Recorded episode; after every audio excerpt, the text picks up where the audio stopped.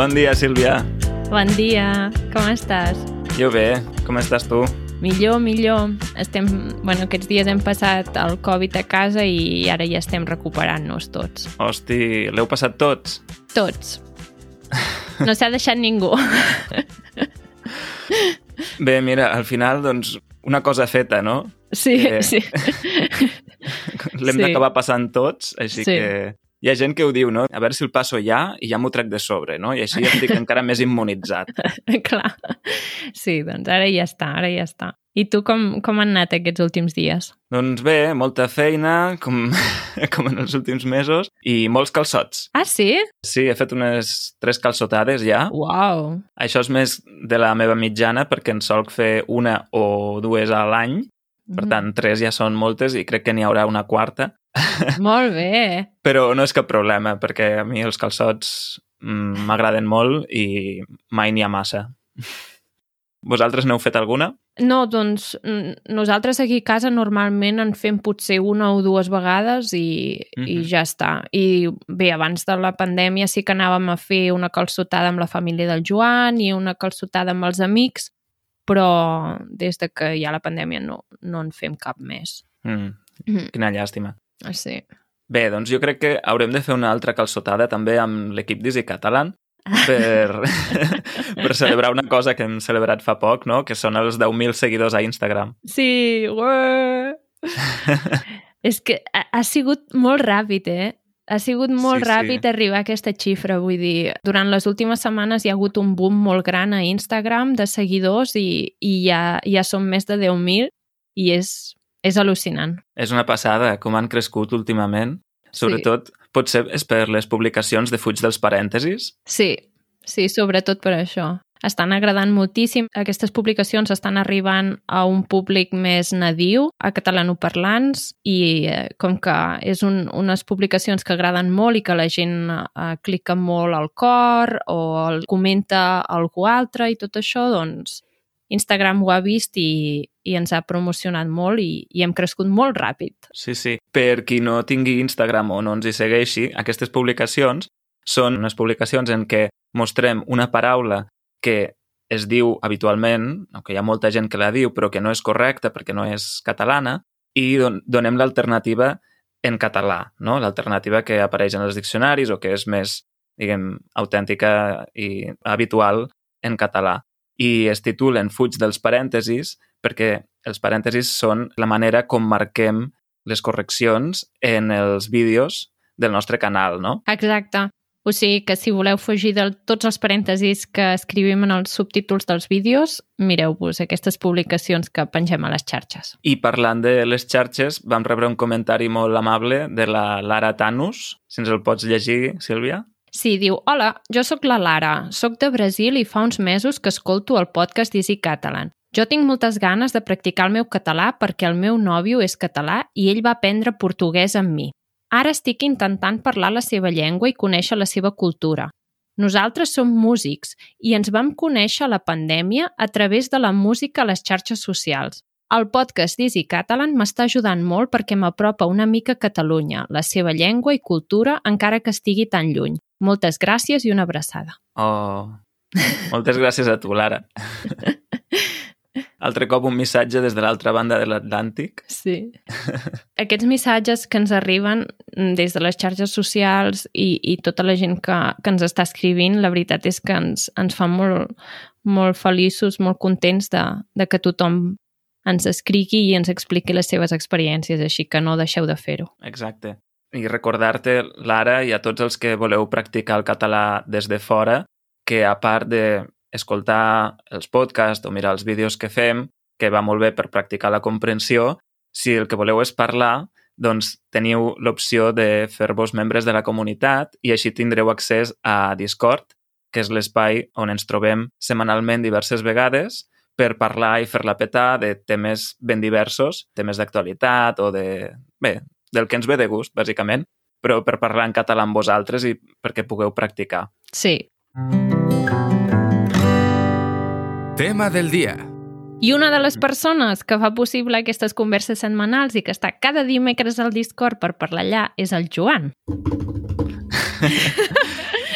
I avui l'hem convidat aquí perquè portem un any, de fet, tal dia com avui, vam publicar el tràiler d'aquest podcast. Per tant, ja fa un any que, que funciona, que publiquem mensualment dues vegades i hem convidat el Joan a, aquí a parlar amb nosaltres perquè al cap i a la fi doncs, ell també participi d'aquest podcast encara que no el sentiu. Per tant, una forta benvinguda, uh! -huh. en Joan! Joan! Oh, hola! Què tal, Joan? Bé, ara mentre us sentia pensava que em presentin ja, que no puc intervenir, m'estic menjant els dits. Clar, és que fa molt que devies tenir ganes de venir aquí a, a parlar una mica, no? La veritat és que quan edito els podcasts, els edito un jo, un d'Andreu, una mica així, anem intercalant, i quan els edito penso, ai, jo aquí hauria dit això. I sempre, per exemple, l'últim que vau fer, que cadascú deia les seves manies, jo pensava, aquí els hi falta una mica de xispa, eh? O sigui, si la, si l'Andreu diu em molesta no sé què, la Sílvia ho hauria de fer. En aquell moment hauria de... Algú que provoqui una mica. Bé, després et preguntarem a tu per, per què és el que et, et fa perdre els nervis, però bé, primer de tot, com estàs? La Sílvia ja m'ha dit que has passat el Covid o estàs en, encara recuperant-te. Sí, ara estic una mica angustipat, com aquell qui diu. Uh -huh. Per això la veu aquesta. D'acord. Bé, com ha dit l'Andreu fa un moment, fa un any que fem el podcast que és moltíssim. Jo, jo penso que ha passat molt ràpid mm -hmm. i per aprofitar que ha passat un any hem decidit canviar unes quantes coses del podcast que segur que ja heu vist, una de les quals és la música de l'entrada. Mm -hmm. I una altra cosa que també haureu haver sentit són les seccions, o sigui, la veu que dona pas a cada secció, potser heu notat que és també una mica diferent. Qui és aquest noi? Exacte. Aquesta veu no és la de la Patrícia, que és la que va gravar les seccions que teníem fins ara, sinó que és la del Guille. El Guille és un noi de Lleida, originari de l'Uruguai, per tant, és mm. uruguaià català, i és amic del meu germà, que és qui ha produït aquestes noves seccions. Ara n'heu sentit una. El tema del dia. Exacte.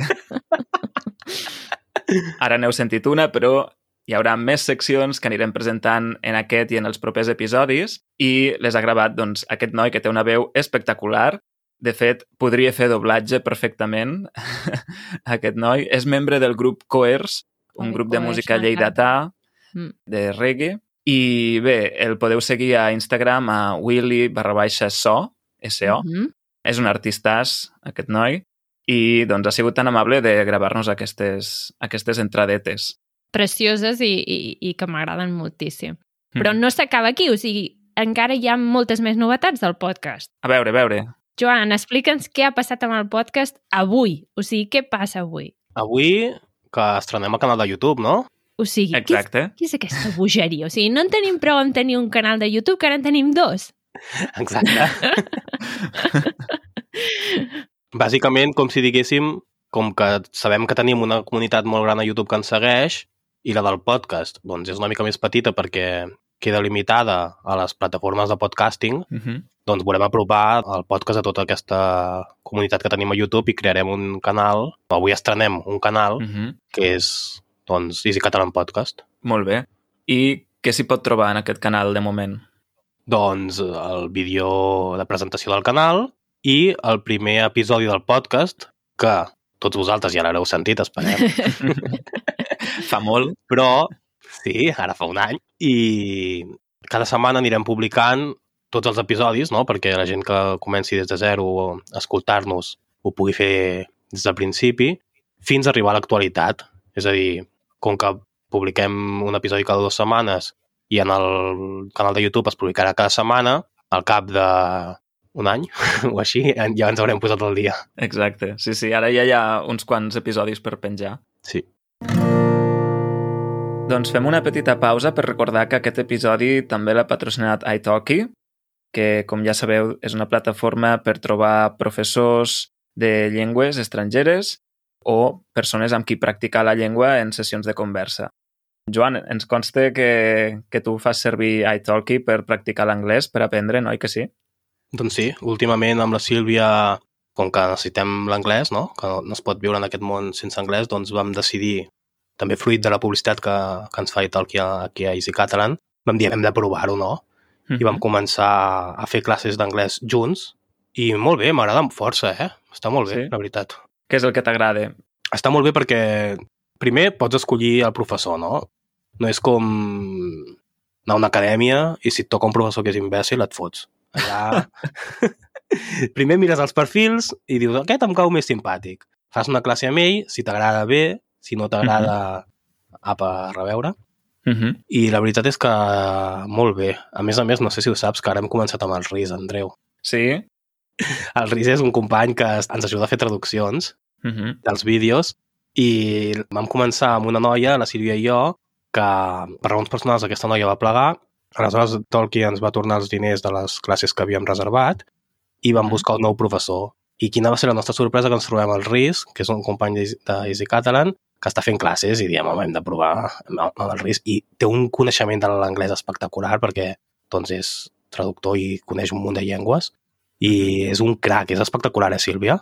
Sí, la veritat és que jo em vaig sorprendre moltíssim perquè té molt bon nivell d'anglès, que és la seva llengua materna. Es nota moltíssim que ha sigut professor durant anys i t'explica els coneixements molt bé, t'ajuda a la... Perquè nosaltres el que fem és conversa, o sigui, el que volem és practicar el nostre anglès i millorar. Uh -huh. I, i t'ajuda molt, t'escriu les paraules en el chat perquè puguis veure com s'escriuen, i la pronunciació, que també és molt important. Per tant, jo animo tothom a que intenti buscar la persona que més s'adigui amb les seves necessitats, perquè segur que la trobaran, perquè hi ha molts professors i professores i tutors i tutores al web i que és una experiència que, que s'ha de provar si de veritat vols practicar una llengua. Sí, i a més a més la plataforma és molt intuïtiva, no? I, per exemple, si tens aquest problema que ha comentat el Joan, que has, potser has reservat un, un paquet de classes però finalment eh, els has d'anul·lar o vols fer canvis, és molt fàcil fer canvis, fer canvis d'horaris, no? Fins i tot si, si has d'anul·lar una classe o, o canviar l'hora, doncs és tot molt fàcil a través de la plataforma. Oi que sí? Però és que, a més a més, és tan senzill com que li van preguntar, te'n recordes, al, al, noi, al Marc de Català Natural, li van preguntar i tu què prefereixes, fer-ho per iTalki o buscar una plataforma alternativa? I diu, no, no, iTalki perquè et facilita tant les coses com a professor, és tan còmode, o sigui, és, ha de facilitar molt les coses. Exacte, ho tens tot allà, no? Vull dir, tens el calendari del professor, pots triar les hores que té disponibles, si no et va bé la pots canviar, si a qualsevol cosa et tornen els diners... Vull dir, és que és molt senzill, molt intuïtiu i molt, molt pràctic. Sí, a més a més tens els recordatoris, no? que et recorden que tens una classe, una classe reservada tal dia a tal hora, mm. que això també va bé. Sí, sí, sí, sí. Doncs sí, doncs per si encara no us hi heu registrat o encara no heu provat aquesta plataforma, us recordem que si ho feu a través de l'enllaç go.italki.com barra easycatalanpodcast tindreu crèdits per valor de 10 dòlars per gastar després de la primera classe. Per tant, no us ho penseu més i feu el pas. Molt bé, doncs ja veieu que hi ha un munt de novetats al celebrar aquest aniversari d'un any de podcast, però no ens quedem aquí. O sigui, hem convidat el Joan avui a participar del podcast perquè ens expliqui una mica què és el que fa ell a dintre de l'equip d'Easy Catalan, si és que encara no ho sabeu, i també que ens expliqui una mica quins són els projectes de futur i què volem fer a partir d'ara. Uh -huh. Doncs, o sigui, jo el que faig és bàsicament gravar els vídeos, uh, editar-los, o sigui, jo sóc el càmera, com si diguéssim. Uh -huh. Gairebé tots els vídeos, excepte els que fa la Núria, que fa una gran feina perquè els feia sola i és una feinada. Sí. Uh -huh. Tota la resta els he gravat jo, tot i que l'Andreu està preparant un vídeo que no gravaré jo. Oh. Eh, Andreu? Exacte. I això, i després editar-los, una mica contingut de les xarxes socials, editar el podcast de tant en tant també, i coordinar una mica la gent quan es tracta de gravar, perquè ara som un equip molt gran, Sí. Uh -huh. som moltes, moltíssims voluntaris, Mhm. Doncs bàsicament això, no? Em deixo alguna cosa, Sílvia? Fa moltes coses, o sigui, tot el, tot el que no es veu és el que fa el Joan. Exacte, Sí. sí. I de vegades fins i tot el que es veu, perquè es posa davant de la càmera també. Si, si heu vist vídeos d'Easy Catalan també surt. Per tant, fa una mica de tot. M'obliga la Sílvia. I també el que hem comentat abans de dinamitzar l'espai de Discord, no? De, de trobar-te amb els membres de la comunitat per parlar amb ells. Sí, tots els dimecres a les 7, hora catalana, fem una xerrada i els dijous la Sònia fa la seva a les 6 i mitja. No, dos quarts de set, no? S'hauria de dir. Mhm. És que les hores en català les vaig aprendre amb el vídeo de les hores que vam preparar i catalan. Vaig haver d'editar-lo tanta estona que al final se'm van quedar les hores. El que passa que tinc el reflex de dir-les en castellà. Sí.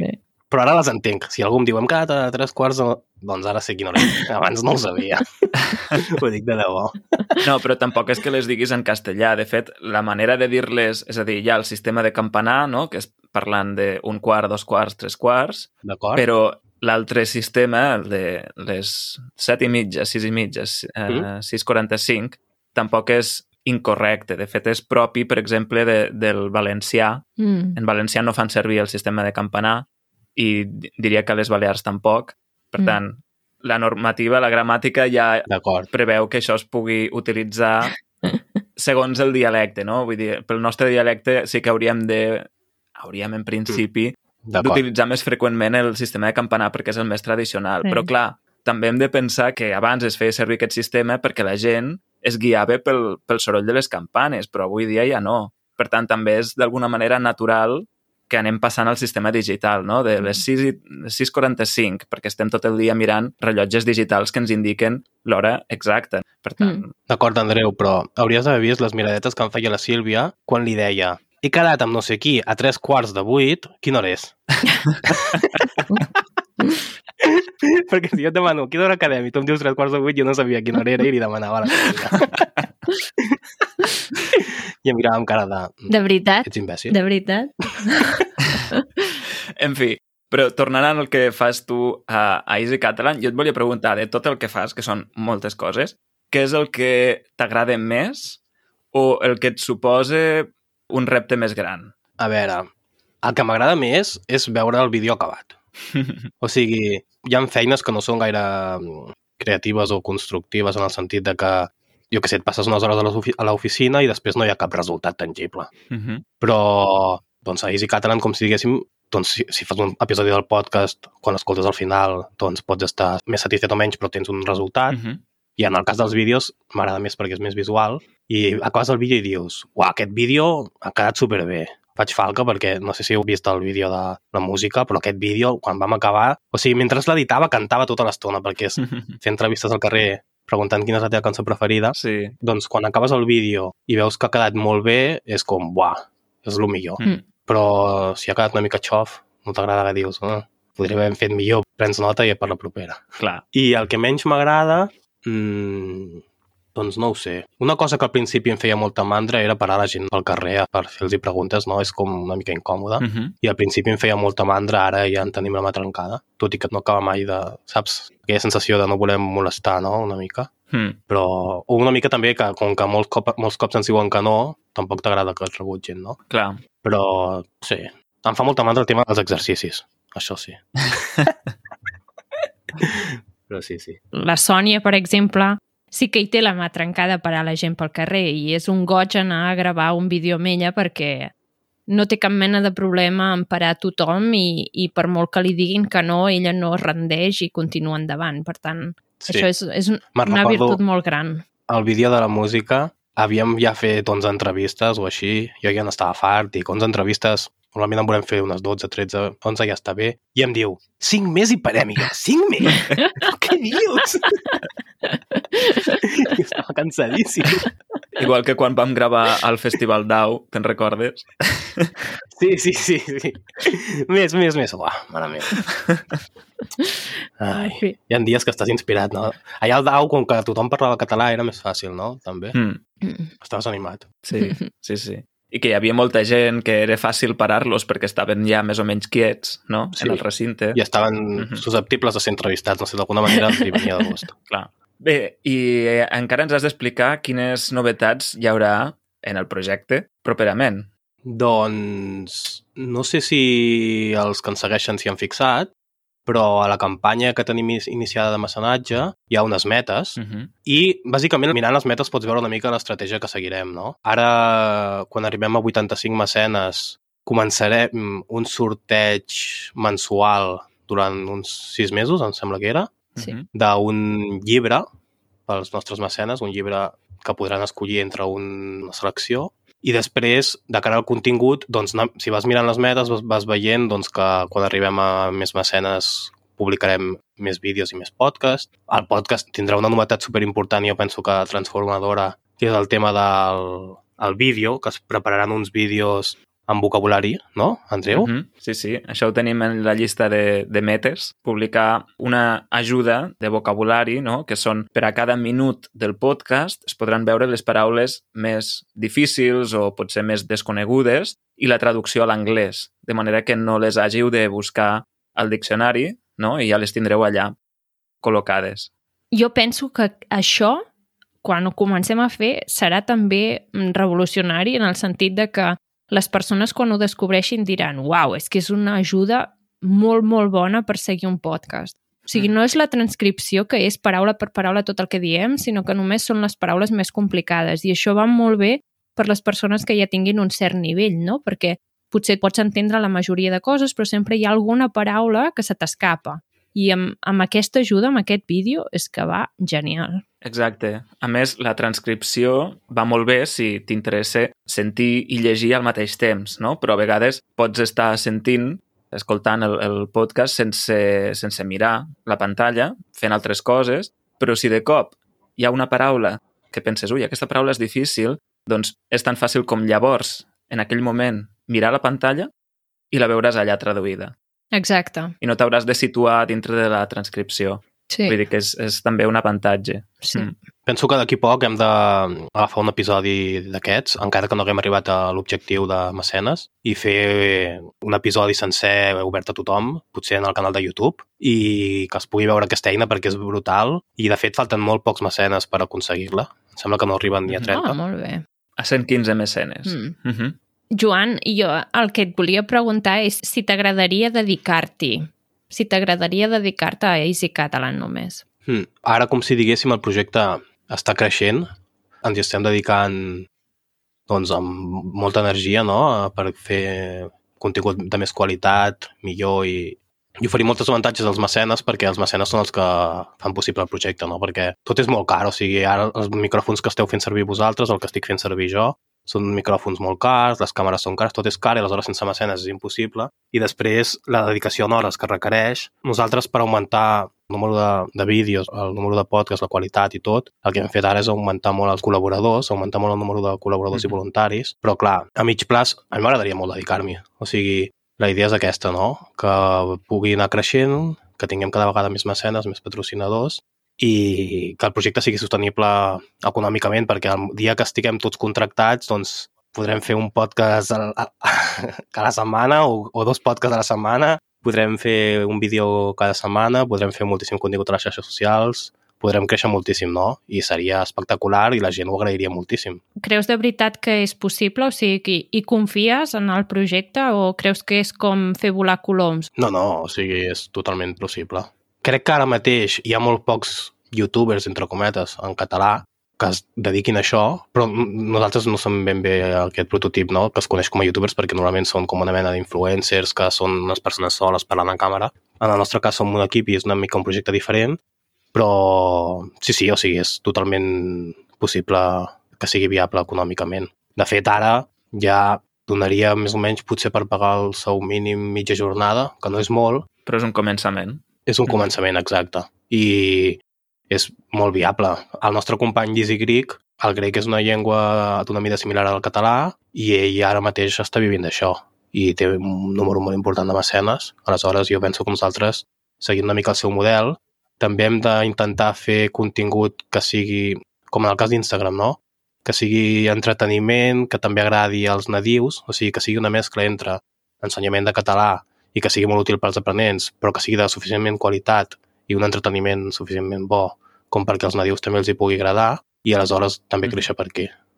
és molt important. I ara ja portes uns mesos dedicant-te plenament a Easy Catalan sense, sense cap remuneració, però, però dedicant a això. I creus que des de que vas començar fins ara has anat complint totes les metes i objectius que t'havies marcat o les metes eh, s'han quedat per sota del que havies pensat? O com ha anat aquests últims mesos? Mira, me'n recordo que vaig fer com una mena de document al principi amb objectius de números, perquè tenim la sort que és molt fàcil de valorar els números en el nostre projecte perquè veiem els subscriptors a YouTube, els seguidors a Instagram, les visualitzacions i tot això. Aleshores, me'n recordo que vaig dir a final d'any, o sigui, els objectius sempre han de ser una mica superiors a el que portes la dinàmica actual, no? És a dir, si tu veus que estàs fent, jo que sé, 300 subscriptors cada mes, doncs no et posis d'objectiu 300 subscriptors cada mes perquè és absurd, ja ho estàs aconseguint, has de posar-te un objectiu més ambiciós. I me'n recordo que a YouTube vaig posar intentar arribar a 10.000 subscriptors i a Instagram vaig posar Uau! 4.000. 4.000 com un objectiu impossible. Sí, a Instagram vaig posar 4.000 com, va, si arribem a 4.000, I clar, hem arribat a 10.000. 10.500 ja. Sí, sí, sí. I a YouTube, si me'n recordo que vaig posar 10.000 i diria que a final d'any estàvem sobre Mhm. 8.000, el que passa que igualment a YouTube estic molt content perquè hem fet un creixement espectacular, o sigui, 10.000 era com molt, molt, era un objectiu molt, molt, molt Mhm. lluny. Així com a Instagram em vaig confondre. a YouTube 10.000 era un, un objectiu que havíem d'augmentar moltíssim i igualment ha sigut un augment brutal perquè quan vaig marcar aquest objectiu estàvem fent uns 300 subscriptors mensuals i ara estem sobre els 600 molt bé. amb algun, algun mes hem arribat a 1.000 mensuals i si no vaig errat d'aquí dos mesos ja haurem arribat a aquests 10.000 que seran doncs, quatre mesos més tard del que m'havia marcat d'objectiu però vaja, Mhm. És, a les xarxes aquests objectius són molt absurds perquè fas un vídeo que, ho, que Mm. va molt bé com per exemple aquest de la música que hem fet ara i tens molts subscriptors de cop aleshores és trobar el vídeo aquest bo no? que Mm. t'impulsi Sí, sí. Bé, i això tots ho diuen, no? Que a vegades no t'ho expliques, però de cop un vídeo que, que no t'ho esperaves funciona molt bé i un altre que potser t'has treballat molt, doncs no funciona tan bé, no? No té, Yeah. no té tantes visualitzacions. Mm. me'n recordo perfectament el vídeo que vam fer sobre el verb anar en passat Sí. sí. quan el vam acabar vaig pensar és una cosa curiosa, però bé, és un vídeo molt super easy, no el mirarà ni Déu. Perquè nosaltres, com si haguéssim fem dos tipus de vídeos, no? Els adreçats una mica a tothom i els adreçats al target, o sigui, al, al, al públic Mhm. específic més aprenent. I aquest era un vídeo adreçat més als aprenents i, bueno, és el tercer vídeo més vist del canal. Aleshores, aquest em va sorprendre moltíssim. déu nhi I quins són els dos primers eh, més vistos? Ara us parlo del canal d'Easy Catalan en concret perquè sabeu que tenim els vídeos d'Easy Languages Mhm, que es van publicar abans. mhm. A Easy Catalan el més vist és el, que vam, el primer que vam publicar, el de Tarragona, Mhm. el de les coses que no saps del català. Mhm. El segon és el de què no has de fer si vens als països catalans, que és aquest que vam fer amb tota la broma Sí. que hem de repetir. perquè, a més a més, quan el vam publicar hi va haver gent que ens va enviar moltes altres idees i n'hauríem de fer una altra. Llavors hi ha aquest, el de el verb anar, i ara el de la música, o sigui, un vídeo que hem publicat fa 10 dies és el quart vídeo més vist del canal. Uau. Fins ara, sí. Fins ara era el del per què els russos aprenen català. déu nhi Doncs, Sílvia, no sé si vols preguntar alguna cosa més referent al projecte. No, jo estic molt contenta i estic molt animada que tothom de l'equip es faci tan seu el projecte i que creixi i que, i que cada cop estiguem més contents i més animats, no? I que puguem continuar així. I si algú ens vol ajudar a tirar el projecte endavant, estem oberts a nous voluntaris. Exacte.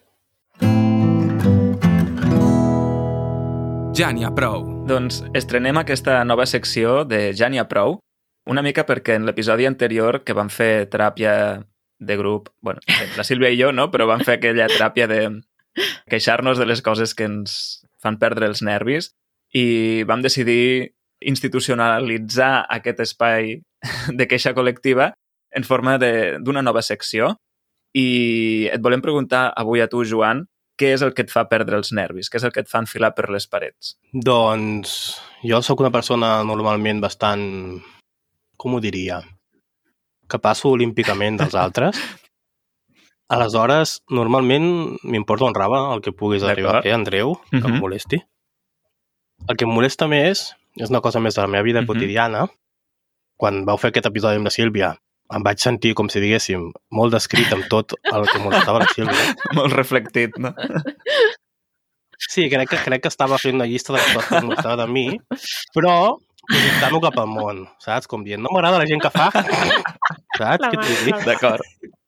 Jo pensava, ai, ho acabo de fer. Aleshores, el que em posa molt nerviós... Sílvia, no t'ofenguis, eh? És que la Sílvia es Ah, posa d'acord. nerviosa. no, perquè m'encanta, sóc una persona que té aquest defecte, m'encanta burxar la gent, Mhm. o sigui, Andreu, tinc un forat al mitjó que em fa un gust horrible quan fico el dit per, per allà. Em, em molesta més... Em molesta més Gustirrin que no... Tot planificat, Andreu, tot planificat. Pots dir em fa bo, em fa gust, em fa... No? Sí. Va, eh, tocar la moral. M'agrada molt tocar la moral i la Sílvia, que ho sap, i estic constantment fent-li la punyeta, doncs, doncs se m'enfada, saps? I, I això em, fa, sap, em sap greu, saps? Em molesta. Però em molesta amb ràbia. Com, Sílvia, si ja em coneixes, ja em coneixes, per què t'enfades? No! Però hi, hi ha coses, Joan, que no es Ai. poden canviar. No, no, jo sóc un collons Exacte, i ella això vull dir, que cadascú és com és i que arribats a certa alçada hi ha coses que ja no canviaran. Sí, sí, sempre em diu, quan siguem vellets, si, si encara estem junts, seràs insuportable. És que hi ha una expressió, no sé Sí, si l'heu sí, sí. sentit mai, però diu el que ve del néixer augmenta el créixer, vull dir. Eh, això Ah. significa que si ja ets així ara, imagina't quan siguis gran. Sí, sí. L'expressió de la setmana. Bé, i per últim, Joan, doncs també t'hem de preguntar quina és la teva expressió en català preferida, no? Ara quan llegia el guió, que els que no sapigueu, hi ha guió, us aviso, eh, posava expressió de la setmana triada pel Joan i jo, cago en Déu. I he triat via fora, Uh -huh. que és una expressió molt reivindicativa, Uh Fa servir bàsicament si vas a una manifestació o si vols reivindicar alguna cosa. I té un origen molt antic, relacionat una mica, si no vaig errat, amb el sometent, perquè tot i que ara els catalans tinguem una tradició molt pacifista, com si diguéssim, fa uns anys, uns segles, era un poble bastant violent. Tothom tenia una, una arma a casa Uh -huh. i doncs hi havia el que es coneix com a sometent, o d'alguna manera, si hi havia algun atac al poble o hi havia algun problema no, a la zona, tocaven campanes i cridaven a la gent del poble a, a defensar-se, no? i es reunien per defensar-se. I llavors eh, el crit de via fora doncs era la manera, de, entre cometes, de cridar a les armes, no? de cridar a, a defensa.